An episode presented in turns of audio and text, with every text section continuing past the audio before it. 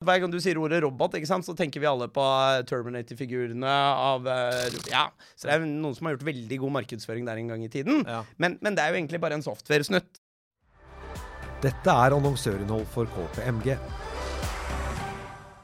Hei, alle sammen, og velkommen til KPMG-podkasten Rett fram. En podkast der jeg, Hasse Hope, skal snakke med eksperter om kompliserte temaer. Og få dem til å forklare om de, de vanskelige, litt kronglete ordene som eh, bransjen gjerne bruker, og som jeg ikke vet noe om. Men jeg er ingen ekspert på kommunikasjon. Derfor trenger jeg hjelp. Jeg trenger en kommunikasjonstolk. Og den tolken, det er deg, Tina Bergård. Hei. Hei. Du er jo uh, kommunikasjonsrådgiver i, i Storm, og nå skal vi begi oss ut på temaet digital digitalisering. Her blir det mange vanskelige ord. I dag tror jeg det blir ordentlig ordentlig gøy. Ja. For her er det mye buzzord og mye, for mange, uforståelige ord. Ja. Så det er bare å glede seg. Mm. Ja. Jeg har jo alltid med meg en ekspert i, i studioet. Han, han sitter ved siden av meg her i, i en flott eh, dress. Uh, han er, er partner i KPMG. Leder for digital transformasjon. Velkommen skal du være, Tom Einar Nyberg. Jo, takk. Jeg er ikke avhengig av mye. Verken uh, alkohol eller narkotika eller sigaretter. Aldri røyka. Uh, men én ting som jeg er avhengig av, det er mine smarte lyspærer. For ikke sant? Når jeg kommer hjem til leiligheten min, så, så roper jeg ikke 'Kjære, jeg er hjemme', eh, fordi jeg bor, jeg bor alene. Så det, det er litt sånn trist, men vi skal ikke snakke om det nå. Men det jeg roper da i stedet, det er 'OK, Google, jeg er hjemme'. Og da skrur alle lysene i leiligheten min seg på, med sånn deilig varmt lys. Eh, kan man si at jeg har digitalisert leiligheten min? Det er jo en eh, begynnelse. Eh, Jeg vet ikke om det er et helt smart hjem ennå, men det er i hvert fall et steg på reisen. Men i dag skal vi jo faktisk snakke om de gangene det er lurt å gå digitalt. Der det er faktisk praktisk, der det har en nytteverdi. Fordi vi blir jo mer og mer digitale.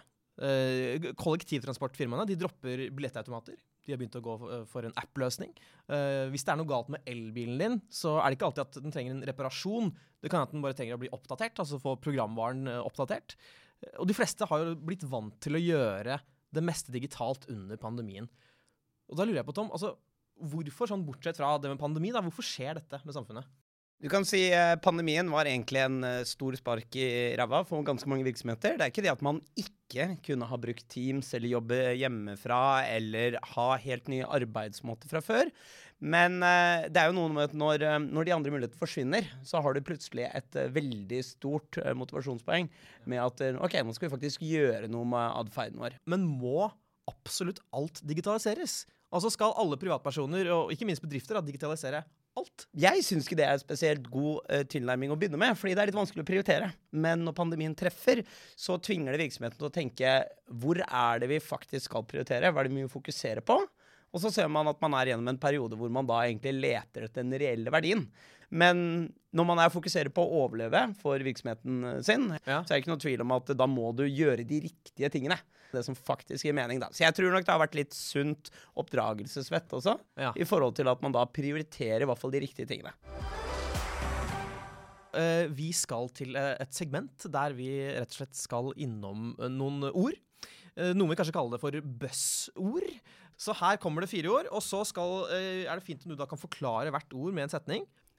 Ok. Ja. Og vi begynner egentlig greit med digital tvilling.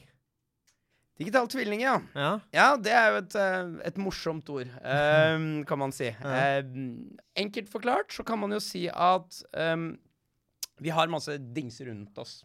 Uh, denne PC-en her, den mobiltelefonen her, utstyr osv. Ja. Um, alle de uh, dingsene har sensorer på seg.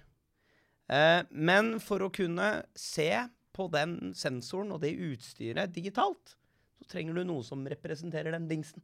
ja. Og det er den digitale tvillingen. Som en digital kopi av noe som fins i virkeligheten. Ja, ja, det skjønte jeg. Godkjent. Godkjent? Ja, definitivt. Det er bra. OK, neste ord. Og dette er et saftig ord. Blockchain. Å, jeg visste at den kom. Eh, på norsk så bruker man jo ordet blokkjede om, om dette. Og det er bl.a. teknologien som, som ligger bak såkalte bitcoins, som så sikkert mange har hørt om fra før. Ja. Em, det som er unikt med, med blokkjeder, da, er at du kan gjøre mange, mange, mange små eh, transaksjoner til en lav kostnad mellom enheter som typisk er maskin maskiner eller sensorer eller finansielle transaksjoner. Eh, For hver sånn transaksjon så er den veldig sikker, fordi man hele tiden bekrefter at den er gyldig på hvert ledd i kjeden. Derav ordet blokkjede. Det skjønte jeg! Mm. Ja. Det var honnør. ja, det er honnør, det Ja. der. OK, vi skal til uh, et tredje ord, og, for meg så er dette science fiction. Uh, fordi ordet er hyperautomasjon. Hyperautomasjon. Ja, jeg Kort kjenner- forklart. Automasjon er vanligvis basert på at du har noe data, du har noen regler, og så lenge en maskin klarer å tolke den regelen, enten det er en robot eller en PC, eller hva det skal være, så kan du gjøre noe automatisk. Det er basic automasjon. Hyperautomasjon, derimot, sier det at når du plugger på annen type intelligens, så kan du brått tolke bilder, du kan tolke tekst, du kan tolke lyd, og du kan dermed gjøre mer intelligente grep og tolkninger som gjør at du får mer automatisert. OK, så det er på en måte Det, det er at uh, roboter gjør mer og mer vanskelige oppgaver. Bruker ikke reglene lenger, de uh, bruker mer tolkning av uh, okay. ulike typer data. Spørsmålet er om det fjerde kan uh, bestå testen vår. Ordet er utvidet virkelighet. Utvidet virkelighet egentlig handler om å ta noe du ser fysisk, som den mikrofonen der, eller den PC-en der, og så legger du digital informasjon på toppen. Så hvis jeg hadde hatt det nå på denne mikrofonen, så kunne jeg se temperaturen, eller lydstyrken, eller eh, hvor lenge den hadde recordet. Og kanskje jeg kunne også ikke snakket med den, men gjort ting med den via det grensenettet. OK. Så er det, er det som et Snapchat-filter?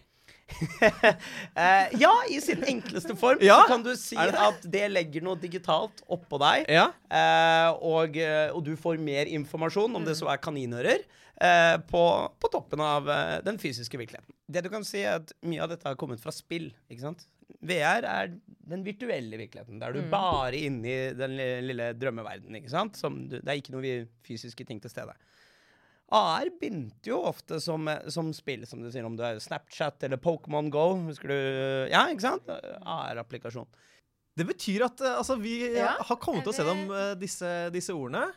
Uh, og så Jeg ba jo om en setning, men jeg skjønner jo at det er kanskje umulig med så avanserte greier, så det ble jo litt flere setninger. Det ble i hvert fall bedre forklart enn med én dårlig setning, forhåpentligvis. Ja, Det er et godt motto å leve etter. Vi var litt innom det i starten, da, men hvordan kan vi unngå å digitalisere bare for å digitalisere? Eh, vel, et eh, godt tips er å ikke la teknologene drive an. Eh, ofte så er det dessverre, og jeg er teknolog selv, og det er lett å bli gira av, av ny teknologi. Eh, problemet med det er at uh, du ofte begynner med, med en teknologi, og så prøver du å finne et problem. Så du begynner med løsningen, og så prøver du å lete etter problemet å løse. Og, og det er klart, da er det ikke alltid du begynner med det som er mest nyttig. Eh, det er kanskje mest moro, men det er ikke nødvendigvis det f.eks. selskapet trenger. Ja, Begynn med problemene. Begynn med der det brenner på dass, som jeg alltid har sagt. Det er helt riktig. Og det er jo på dass. Det er jo det. Det er der det brenner. Ja, det er der det brenner. OK. Men eh, hva, liksom, som, som samfunn, hva er det vi skal sitte igjen med hvis alt blir digitalisert? La oss, la oss tenke på hva, hva samfunnet har eh, issues med i dag, da. Eh, helse. Eh, det er ikke noe tvil om at man har en aldrende, i hvert fall i Norge, hvis du ser på det, befolkningen er eh, både aldrende, man trenger mer og mer eh, assistanse, eh, mens vi har ikke nok eh, arbeidskraft til å hjelpe med den, det området der. Teknologi er en, en kjempeviktig bestanddel der også.